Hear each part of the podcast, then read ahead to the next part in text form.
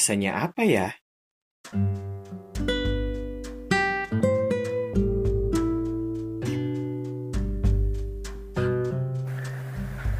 Udah mulai masuk ke bulan ketiga di 2021 kembang ini kah rasanya ya.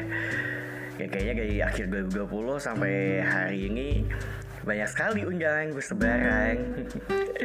Selamat ya buat yang uh, baru saja melangsungkan pernikahan. Satu resolusi sudah tercapai. Tinggal dinikmati aja.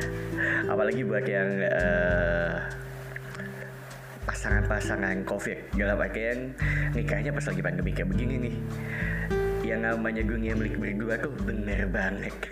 Karena di isolasi hanya berdua di rumah ya. Nggak uh, ke mana-mana WFH segala macem. Pada akhirnya muncullah sifat-sifat asli. Selamat menikmati. Makanya kalau menurut gue sih wah menikah itu urusan belajar menerima takdir bukan cuma menerima pasangannya iya enggak makanya ada juga mungkin beberapa yang maju mundur itu untuk menikah. Karena ya tadi takut gak bisa menerima takdir itu.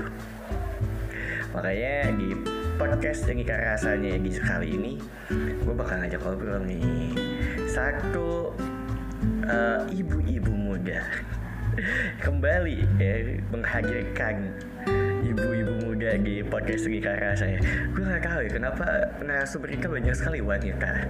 Apa mungkin wanita uh, lebih terbuka dan lebih perasa? Dan gaya bercerita juga ngaruh kali ya?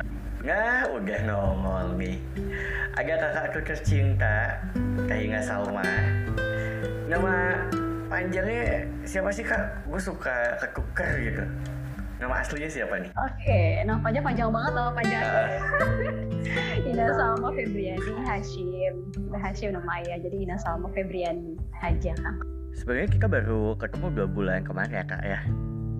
Tapi buat gue menarik nih, karena kayaknya ini uh, wanita yang strong. Ini gue ngomong itu juga mau nangis sih kak. Saking terharunya gue ngeliat lo kan kita LDM Kaina bawa dua anak itu di Bandung ya bareng sama Kaina yang suaminya di Jakarta. Nah kalau bedanya sama gue gue yang jadi suaminya bukan jadi suaminya Kaina ya. Gue yang ada di posisi suami Kaina. Jadi uh, berpisah dengan uh, istri dan anak gitu.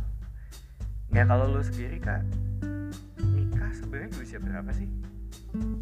Nikah alhamdulillah 2013 bulan Oktober bulan Oktober mm. 2013 usia usia 24 tahun wah udah banyak ya jadi 24 itu biasa kalau Oh udah, udah merasakan lulus kuliah dulu ya? Eh udah, udah. Udah merasakan lulus kuliah. S2 gitu kan? Oke oh, S2. Berarti nikah pas S2? Uh, menjelang sidang S2 nah, menjelang sidang? Uh, menjelang sidang tesis gitu ya nah. di S2 itu inget banget Iya. eh, tiga, eh bingung, bingungnya apa nih? Bingung mau nyelesain sidang dulu baru nikah atau bingung tanggalnya supaya nggak bentrok sama sidang? iya ya, jadi dulu ya pertimbangannya ya udah kalau dua-duanya siap, jadi betul-betul strata pendidikan itu uh, kalau prinsip saya dan suami ya bukan halangan. Oh. Uh, uh, ya udah siap, udah siap, sambil nunggu suami pulang pesantren kan gitu karena saya selesai satu saya kerja terus S2 nah kalau suami selesai satu mondok gitu. jadi kita juga terpisah tuh kak oh. terpisah lumayan yeah, iya, lama yeah, lah hampir tiga tahunan nah setelah terpisah Hmm, beliau kembali. Iya, jadi kayak dijauh ya. kembali tapi ternyata ya nggak semulus yang kita harapkan ya kang. Oh, dia lulus pesantren ayo langsung bisa nikah tuh ya kan nggak juga. Sebagai laki-laki pasti dia laki-laki tuh fitrahnya ingin menafkahi, yeah. ingin memberikan lebih, ingin mengayomi, melindungi gitu. Itu sudah jadi uh, kayak uh, manusia apa ya natural dari Allah tuh seperti itu kan. Akhirnya ketika dia pesantren, selesai pesantren berpikir ulang lah yakin nggak ya aku nikahin kamu? Gitu ya. Yakin nggak ya? Aku belum punya pekerjaan dan segala macam. Gitu Oh, jadi saat itu posisinya belum kerja. persis banget kan abis pesantren gitu lah. Ini yang selalu bikin galau pria-pria sih. Karena gue juga dulu gitu. iya ya. Uh, posisinya waktu itu S2 Mm-mm. hmm, sebenarnya udah gagal uang beasiswa cuma karena ngerasa cowok kali ya ngerasa belum set belum ngerasa Mapan. belum mapan gitu. Sebenarnya level mapan orang-orang kan beda-beda ya. Ya gue juga sama mikir aduh maju mundur maju mundur gitu. Tapi pada akhirnya ya gue lebih memilih untuk merasa siap dulu siap. yakin dulu. Betul sih. Tapi Karena- itu juga ngapain Iya, karena ya tadi kalau kata kalau kata Kang Rofi itu menikah itu menerima takdir. Kalau saya dan suami menikah itu jangan pakai logika dan cinta aja, nah pakai iman. Oh, Pakai iman, Eh. itu harus kuat dua-duanya. Karena Eh. kalau kalau dari awal aja eh, eh, banyak hal yang mempengaruhi kita hanya hanya sep- seputar finansial, kemampanan. Nanti tuh pas rumah tangga akan lebih dahsyat lagi cobaannya gitu. Kalau dari awal aja kita udah nyerah, udah nggak kayak kok nggak yakin sama kuasa Allah gitu Iya, ya. Iya, iya. gimana bisa melanjutkan eh, rumah tangga yang cobaannya makin makin dahsyat? Jadi saat itu Ah. saya yang yang yang mencoba untuk eh, ngasih kepercayaan diri ke suami ayo kamu bisa gitu. Coba, kira-kira agak kalimat agak kalimat yang masih diingat gak sih waktu itu? Ngomong apa? jadi luar biasa ya kan karena suami pasti eh, ayahnya ya belum siap malu lah gitu. Ah, Udah pesantren Ah. langsung berani sih mamar eh, perempuan mana S2 lagi gitu Iya, kan iya, iya. pikiran beliau seperti itu ya dan Ah. saya menghargai mm, mertua saya mungkin berpikirnya seperti itu termasuk juga eh, mamahnya gitu ya Hmm. tapi sekali lagi saya bilang ke suami finansial itu atau kemapanan itu ya kita bisa upayakan berdua Oh. sekarang tergantung gimana kamu meyakinkan dulu orang tua kamu gitu Nah, yakinin dulu kan jadi fokusnya ke itu kan ah, ya? jadi fokusnya ke apa yang emang harus dilakuin sekarang bukan iya, apa yang jangan nanti. dipikirin ya hal nanti gitu. Itu masih goib. Gitu. Kalau kata apa tuh kalau kata ayah oh gini ente aja nggak tahu bakalan be- besok makan apa mati kita tuh nggak tahu gitu. Jadi jangan eh, jangan men- mencabang-cabangkan pikiran kita pikiran Nah, bener. pikirin aja yang sekarang langkah apa yang mau kita ambil. Oke nikah nikah bulan apa gitu. Jadi betul-betul tuh sampai di titik akhirnya suami tuh eh, kayak gak yakin Hmm. kayak gak yakin dan saya saya pun menghadapi cobaan saya sendiri gitu banyak ya Kang guys, sisi Ya, cewek gimana? guys? Sisi cewek gimana?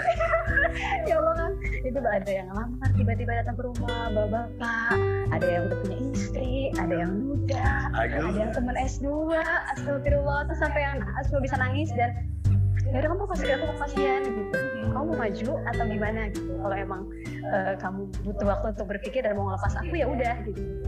Di situlah kayak coba dia dicoba dengan perasaan dan ketakutannya aku dicoba dengan banyaknya orang yang sini ke ayahku. Gitu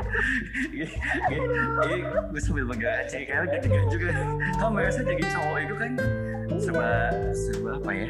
Iya, iya. Bukan serba salah sih. Eh, ya hanya takut mungkin ya Kang ya. Banyak gimana nih takut nggak bisa menghidupi. Gengsi cowok lah gimana Iya gitu. gengsi. Heeh, Gengsi cowok gitu. Gak bisa gue sisi aduh ini jangan sampai lepas nih rasa gitu. Iya, tapi sisi lain dia terus saya jawab suami. "Oh, ya udah kamu bisa tunggu aku nggak gitu. Bismillah aku yakin. Aku tunggu dong Kang gitu kan. Aku tunggu. Ya udah aku tunggu ya. Eh, apa namanya? eh, kamu ngelamar aku dulu gitu. Jadi dilamarnya mah awal tahun Kang, Januari 2 Januari 2013. Oke.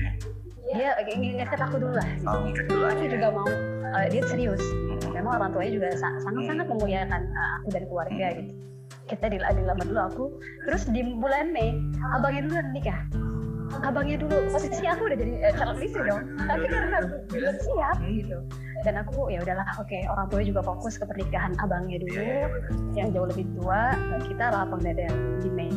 Dari Mei sampai Oktober itu baru tukang datang cobaan tadi aku dilamar tiba-tiba ada orang datang. Oh, udah punya anak oh Itu itu benar goyah sama sekali. ya hampir sih yang yang di titik yang aduh gimana ya gitu. Eh, sementara kan nyari kerja juga nggak nggak seinstan gitu ya kang yang nggak langsung dapat kerjaan jadi di masa-masa menuju pernikahan atau menuju akad itulah kita benar-benar yang eh, ya udah kamu eh, bekerja aja yang yang kamu bisa gitu. Iya. Tapi sekali lagi aku nggak nggak menjadikan patokan penghasilan kamu sekarang. Itu jadi kayak sesuatu yang salah satunya gitu ya. Tujuan aku banget enggak gitu.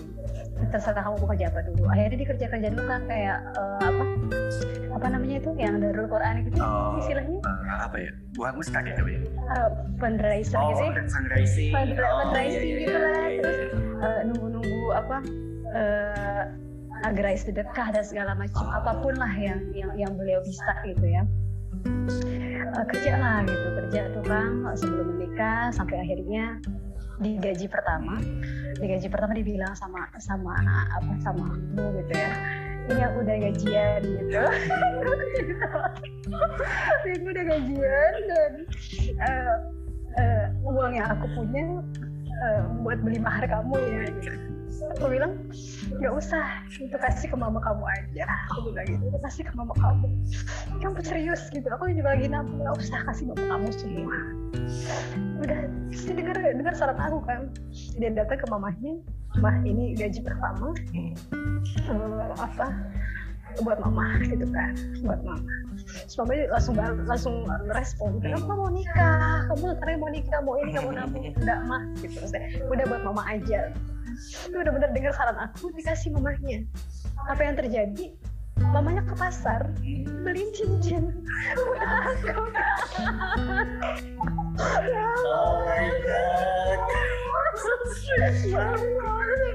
ya Allah. Terus aku tuh langsung yang merinding gitu ya dibeliin cincin dan pas pula ini masih ada cincinnya ini tuh mamanya Willy model mamanya. Mamanya langsung yang eh, tahu banget gitu eh, keinginan anak itu mau nikahin aku gitu nikahin aku. Karena mungkin mamanya juga pertama kali lihat aku ya Hmm. bukan sekedar melihat eh, calon mantu ya tapi Iya. juga ya ya inilah saat anakku bisa mungkin akan belajar bareng bersama calon istri yang dia inginkan gitu. Gue jadi lega lah.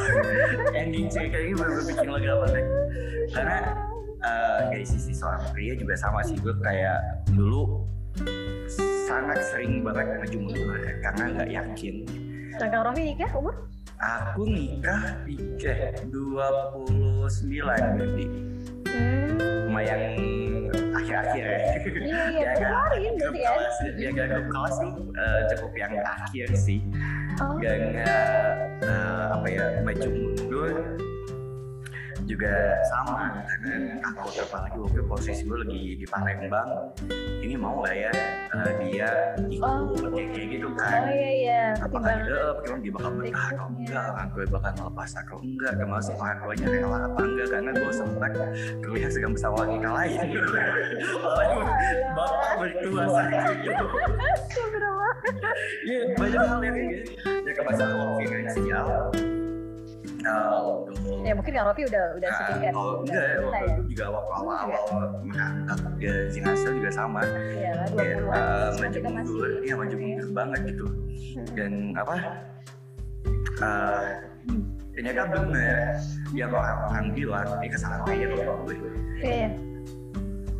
Wanita itu hanya butuh diyakinkan kalau cowoknya udah mantep dan yakin, terus dia mau usaha, cewek mana pun kan mau gitu. Iya, serius itu. Gue gue sempat kan kayak Ngalamin ini ya? datang ke ini uh, makan yang dulu lah kan. Karena aja orang tua. Terus uh, gue juga bingung wah ini keluarganya semua bisnis kan sedangkan gue uh, istilahnya masih honorer waktu itu. Tapi uh, setelah itu gue mundur ada yang lebih gercep ganteng ya udah kelar gitu. Dan dari cerita Kaina sendiri tadi emang bener ketika uh, lu diyakinkan oleh wanita uh, oh itu cuma butuh kepastian lu yakin lu ganteng berusaha nanti kita banyak yang nggak tahu gitu kan. Ya itu kadang yang namanya ya apa ya agak susah memposisikan jodoh sama takdir itu kan. Oh, Uh, tapi yang jelas ketika udah bertemu nah ini harus kita putuskan dan terima ini mau jadi takdir kita atau enggak. Iya. Gitu kan. Mm. ya pada akhirnya oke. uh, jalan aja gitu waktu itu gue tiba-tiba itu ada Mm. ngelihat uh, orang bapak itu dia bapak mertua itu bawa oleh-oleh gitu dia baru mau gitu terus kakak uh, istri. Ini papa bawa oleh-oleh mau diambil kapan gitu terus gue bilang oh ya biasa aja. Karena emang ngomongnya lagi pasti buat silaturahmi. Gue dateng dan dia tiba-tiba gue ngomong aja gitu mau me, uh, misalnya menghibah lah ya, ini ngobrol Iya, gitu iya. gue kesiksa nih kalau terus terusan terus setiap pulang ke Palembang itu kepikiran nih kuburan itu akan berakhir seperti apa Iya, Gitu kan. paling sih. Eh, akhirnya ya udah Waktu Manis ngomong, ya itu bukan ngomong yang nggak bisa bukan ngomong yang bisa kita bisa saling bisa gitu. Ya udah, dan besok siang. Sendirian banget itu kan. sendirian banget. sendirian banget ngungkapin besok siang yang ketemu. Terus gue kayak ya udah agak gue langsung beli cincin aja. Oh, beli cincin uh, cari tuh belusukan ke pasar. Yoi. Perjuangan. Eh, belusukan pak gitu. Belusukan ke pasar cari cincin. Ya Eh, ya makanya langsung juga sama eh, ceweknya. Gimana uh, ceritain kamu bersama papa? Gitu mungkin kamu juga tanya sama papa. Terus aku pengen denger dari kamu langsung. Mau apa enggak kayak gitu Dan, dan saat itu juga siap ya. Kita Siap. ini siap. siap Maksudnya, siap oke. Eh, dia mau dan eh, gue gue udah siap-siap nih kalau misalnya dia bilang nah, kamu beresin skripsi gue gitu kayak kamu posisi lagi skripsi dia waktu itu Iya. jadi dia kan Masya eh, lancar dan akhirnya ya kalau gue sama kayak pas pas saya baru menikah di era covid ini Iya. langsung dunia beli berdua kita cuma Uh-uh. berdua gitu. Di Palembang dan Oh, langsung dibawa ke Palembang. dibawa ke Palembang. Dari situ aja gue udah uh, harus meyakinkan dia bahwa takdirnya cepat kalau uh, pisah dari orang tua gue di bandara dia nangis parah. Oh, gue juga kan bingung terus gimana gitu kan. Ya. Nah begitu di Karena baru kali itu mungkin baru kali dari jauh dari gitu uh-uh. orang tuanya. Perjalanan awal pasti banyak yang bikin senyum-senyum ya, Mm-mm. manis gitu. Iya. Iya, mulai kesel ya. Iya, iya. Sama gak sih? Oke, iya. Eh, tadi eh, menarik yang yang Robi bilang jodoh sama takdir gitu ya. Jadi jodoh itu kan bagian dari takdir ya. Tapi sekali lagi kalau kita melihat takdir, konteks takdir itu kan takdir kata dasarnya kodaro. Kodaro itu arti ukuran. Ukuran atas apa yang kita usahakan, kalau itu sudah mewujud, maka dinamakan takdir. Gitu. Oleh karena itu ada takdir yang bisa diubah, ada yang nggak bisa diubah ya kan. Iya, Nah kalau jodoh itu kan bisa kita upayakan, bisa kita ikhtiarkan. iya. Termasuk mungkin kalau saat itu saya menyerah gitu ya Kang ya. Jadi jadi menikah gitu kan, jadi menikah dan dan memilih jalan takdir yang lain. Akhirnya kami berdua sepakat memilih bertahan dan inilah takdir yang harus kita jalani berikutnya. Jadi setelah eh, setelah ibu mertua beli cincin gitu ya, eh, segala macam, eh, tibalah hari kita menikah Oktober. Akad nikah, jadi akad nikah dulu bang. Akad nikah dulu karena aku juga gak mau terlalu yang heboh gitu ya. Mau, mau sederhana aja dan mau di rumah. Gitu. Di rumah tuh biar lebih intimate gitu ya, biar lebih hangat lah gitu keluarga. Terus ya udah diadakan di rumah. Eh, dan saat itu memang kalau boleh sharing sih kakak-kakaknya dari suami itu menikah memang usianya udah 26 ke atas tuh baru pada menikah. Jadi mungkin lihat suami yang baru 25 langsung nikah tuh meragukan lah gitu. Di faktor usia juga mungkin. Iya. ya. Dan yang mikir anak orang belum kerja, baru lulus pondok, umur 25, punya nyali banget ya gitu. Iya, iya. Tapi surprise-nya adalah kakak-kakaknya justru pada pada bantu gitu. Karena pas kita menikah, kita kan hampir melangkah tiga kakak tuh kan. Iya. Nah yang si kakak ini kan satu akhirnya menikah di bulan Mei. Kami melangkah dua kakak, yang satu perempuan, satu laki-laki gitu. Nah yang perempuan ini sampai aku sampai aku udah bener yang minta keridoan beliau, minta oh, kakak eh, ini sama Yayan boleh kita eh, menikah eh, duluan. Di Allah deh nggak apa-apa gitu. Hmm. kakaknya malah kayak ini banget gitu ya. Nggak apa-apa kamu kamu udah udah ketemu duluan jodoh kamu jangan Iya. mikirin kakak. Masya Iya. Allah perempuan ini langsung support kami. Ya kakak laki-laki pun demikian malah support finansial. Wah, support finansial sampai sekarang kan masih ingat banget Ah. beliau sampai sekarang kita akhirnya mau ganti itu nggak mau gitu. Nggak mau udah eh, ya inilah eh, ibaratnya ya, ya yang bisa kakak berikan gitu sebagai seorang abang. Dan kita tuh aduh keluarga suami tuh baik-baik sih kan jadi rezeki banget menyambut tua baik penyayang gitu. Ipar-ipar semuanya baik gitu. Ya itulah mungkin kemudahan yang Allah kasih ya Kang di awal-awal mungkin kita ngomong kesulitan tapi sekali lagi pasti ada kemudahan. Nah, selama delapan tahun ini ya kalau aku belajar mana ya kalau kan yang dua tahunan ya dua tahun menuju tiga tahun lah eh, nikah itu ya kalau buat gue ya masalah justru masalah-masalah kecil. Loh tapi karena saling ego Iya. terus apa eh, nggak dikomunikasiin pada akhirnya malah jadi bisa satu minggu. Satu minggu kagak nikah jadi ya. diem gitu apalagi yang delapan tahun gitu. Wah. gimana sih delapan tahun menjalani ada gesekan apa? Pernah ada gesekan. Luar biasa jadi emang ya umur kita juga masih seumur jagung ya kayaknya belum terlalu lama gitu. Tapi kalau dibandingin dengan Kang Rofi dan teman-teman yang mungkin baru banget menikah satu dua tahun tiga tahun memang itu lagi proses perkenalan sih Kang. Oh tiga dong jadi ya lima tahun pertama malah. Lima tahun. Lama tuh bener-bener yang ini saling mengenal aja gitu. Kenal gitu dengan tadi ya bukan hanya dengan cinta dan dengan fisik tapi dengan iman. Gitu kita kita lebih mengenal pasangan kita siapa dan juga kalau dia percaya nggak sih di lima tahun pertama itu pasti ada cobaan yang besar gitu kan dalam rumah tangga gitu ya? Iya. Uh, aku tadinya nggak percaya itu kan tapi ternyata memang uh, lima tahun pernikahan itu uh, ujiannya macam-macam ya gitu. Uh, nah di, di aku sama suami sendiri kita kehilangan uh, sesuatu yang berharga lah kita gitu. Itu kita yang siang uh, apa yang pokoknya wah luar biasa lah gitu ya. Sampai akhirnya sesama merenung gitu. Uh, kita mau maju mau mau tetap uh, menye- uh, menyerah ya udahlah gitu ya. Atau kita tetap ya udah optimis tetap terus jalanin gitu. Iya. Kita kehilangan dengan nominal yang nggak sedikit gitu. Dengan kehilangan nominal yang nggak sedikit Eh, terus ya udah di situ aku sama suami jadi belajar rumah tangga kita itu nggak ditentukan loh oleh uang deposit tabungan yang kita punya. Tapi ya udah kita jalan bareng tetap pegangan tangan gitu ya. Kita harus siap lagi nih. Mungkin di lima tahun kedua masalahnya akan lebih besar. Dan ini tuh baru baru baru training gitu loh training awal. Jadi di lima tahun kedua ketiga berikutnya oh, udah makin relax. Hmm. ya udah akhirnya kami memilih untuk mengikhlaskan kang untuk kehilangan finansial itu jadi kami bangun rumah gitu ya nggak jadi jadi rumahnya uang udah masuk hampir 100 jutaan. Seratus juta? 100 juta. Gitu aku nggak sampai aku kerja di PKH itu nggak pernah makan gaji hampir 4 tahun ya 4 sampai tiga tahun aku nggak nggak nggak makan gajiku gitu bener-bener yang untuk bayar itu tiap bulannya gitu tapi ternyata kalau dari rumah ya semua kan emang ada eh, kendali Allah. Jadi kita melihatnya ya Allah mengajarkan kita ikhlas kita kehilangan sesuatu yang yang sebetulnya bisa kita cari lagi kok Iya. kehilangan uang, kehilangan harta benda itu sebetulnya ya bisa kita upayakan lagi. gitu. Mungkin Allah mau ganti dengan yang lain yang lebih baik.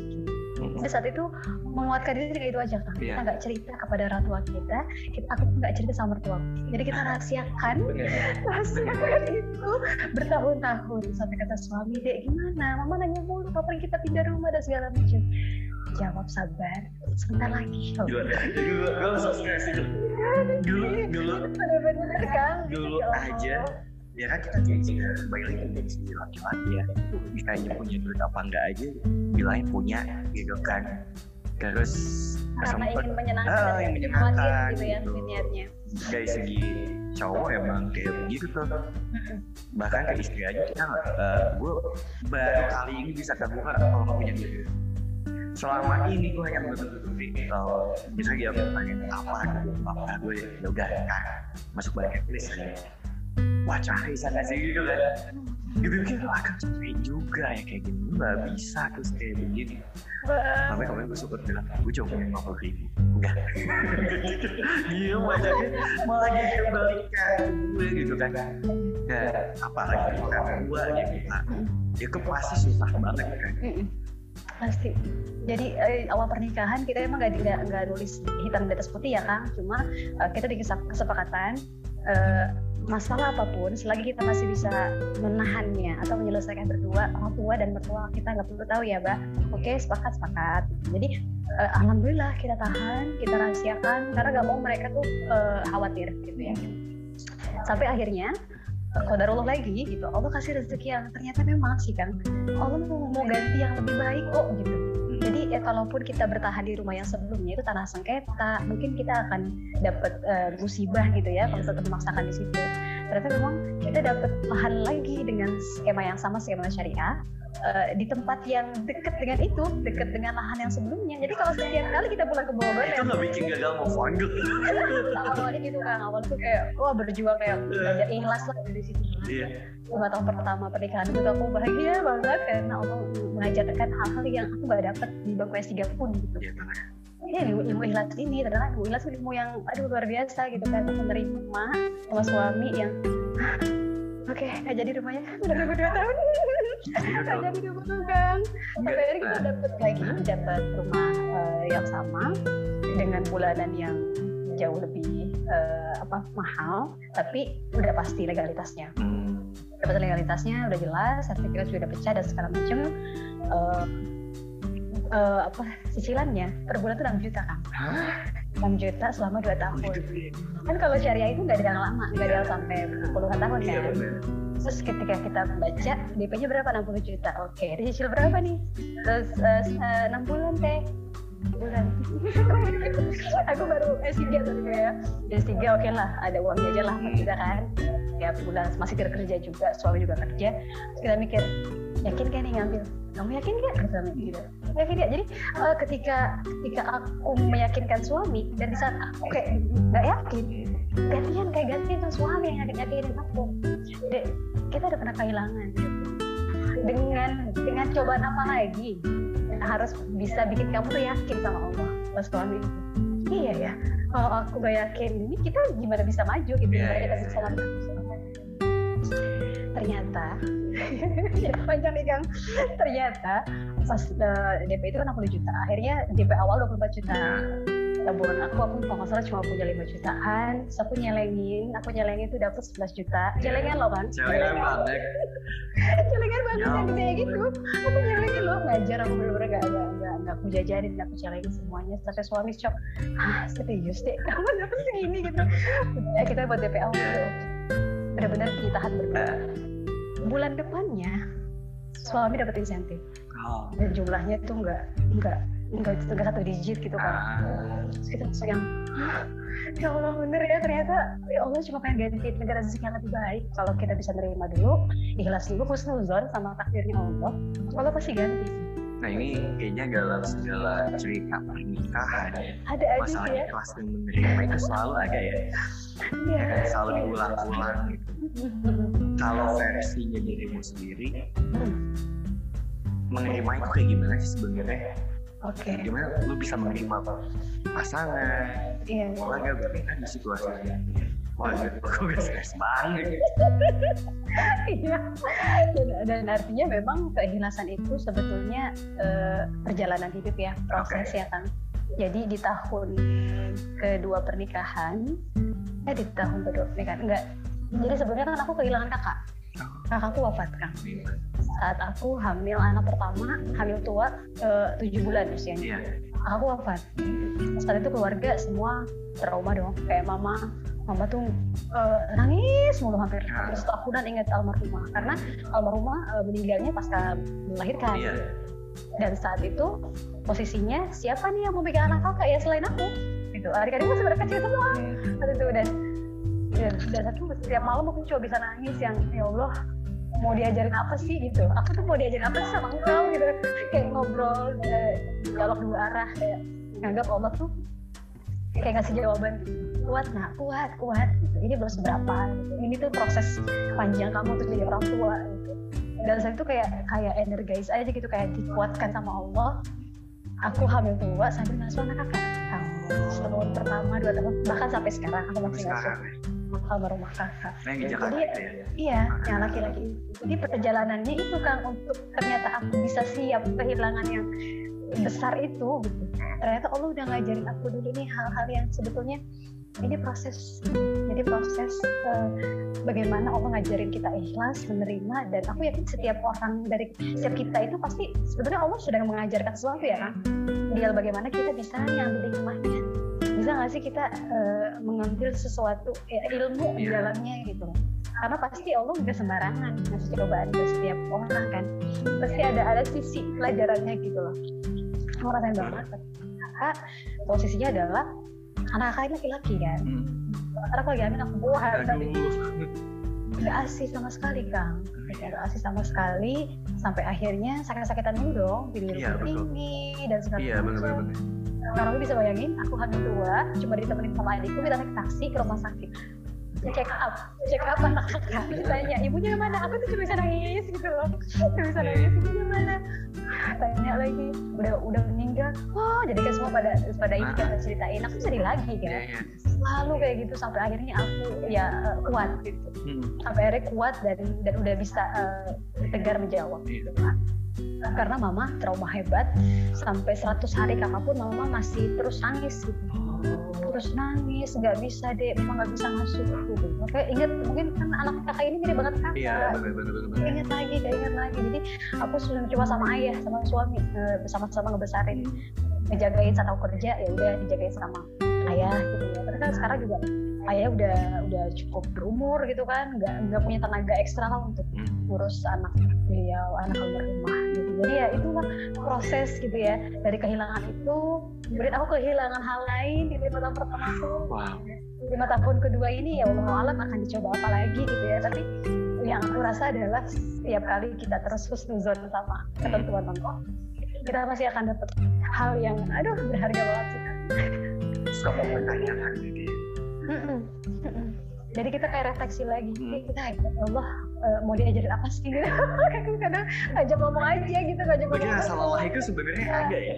Kenapa? Rasa capek itu sebenarnya ada. ada kan Dengan ada situasi capek terus aku ngerasa down ngerasa yang eh, apalagi pas anak per, abis lahir anak pertama itu aku ngerasa kayak maybe aku kena baby blues ya gitu Ah. tapi ya depression dan segala macam gitu ya guys bapak oleh pasangan muda babe blues. Iya.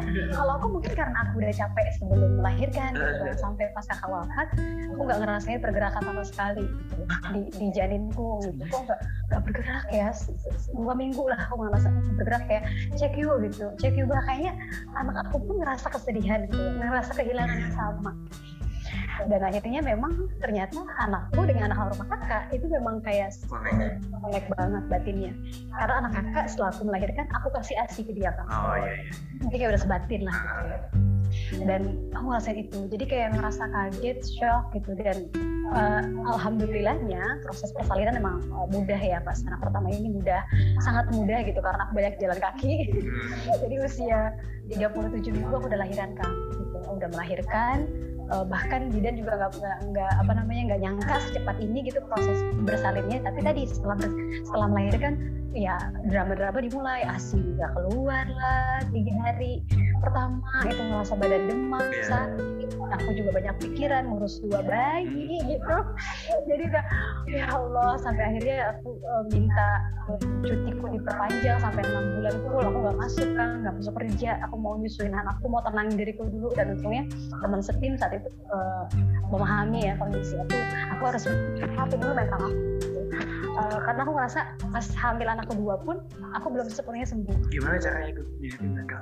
Eh, aku ngerasa aku ini eh, kayak trauma gitu loh pas bersalin itu aku di handle sama bidan-bidan praktik. Saat itu ada bidan praktik lima nggak salah bidan seniornya dua saat aku melahirkan tuh aku kayak kayak di, diomelin gitu lah diomelin gitu. stres udah mana kan aku juga banyak pikiran banyak beban Iya benar. Proses bersalin yang sangat-sangat enggak eh, enggak alami gitulah walaupun aku secara normal tapi aku merasa eh, secara mental aku nggak sehat nih dengan dengan metode bersalin seperti ini gitu. Puskesmas saat itu kan karena aku udah udah udah udah punya ketuban di rumah Oke. maksudnya saat eh, di rumah sedang 100 hari almarhumah kakak Hmm. dan aku ngerasa eh udah udah mau lahiran deh udah suami lagi sholat jumat. Gitu Aduh. ada jumat hujan gitu kan.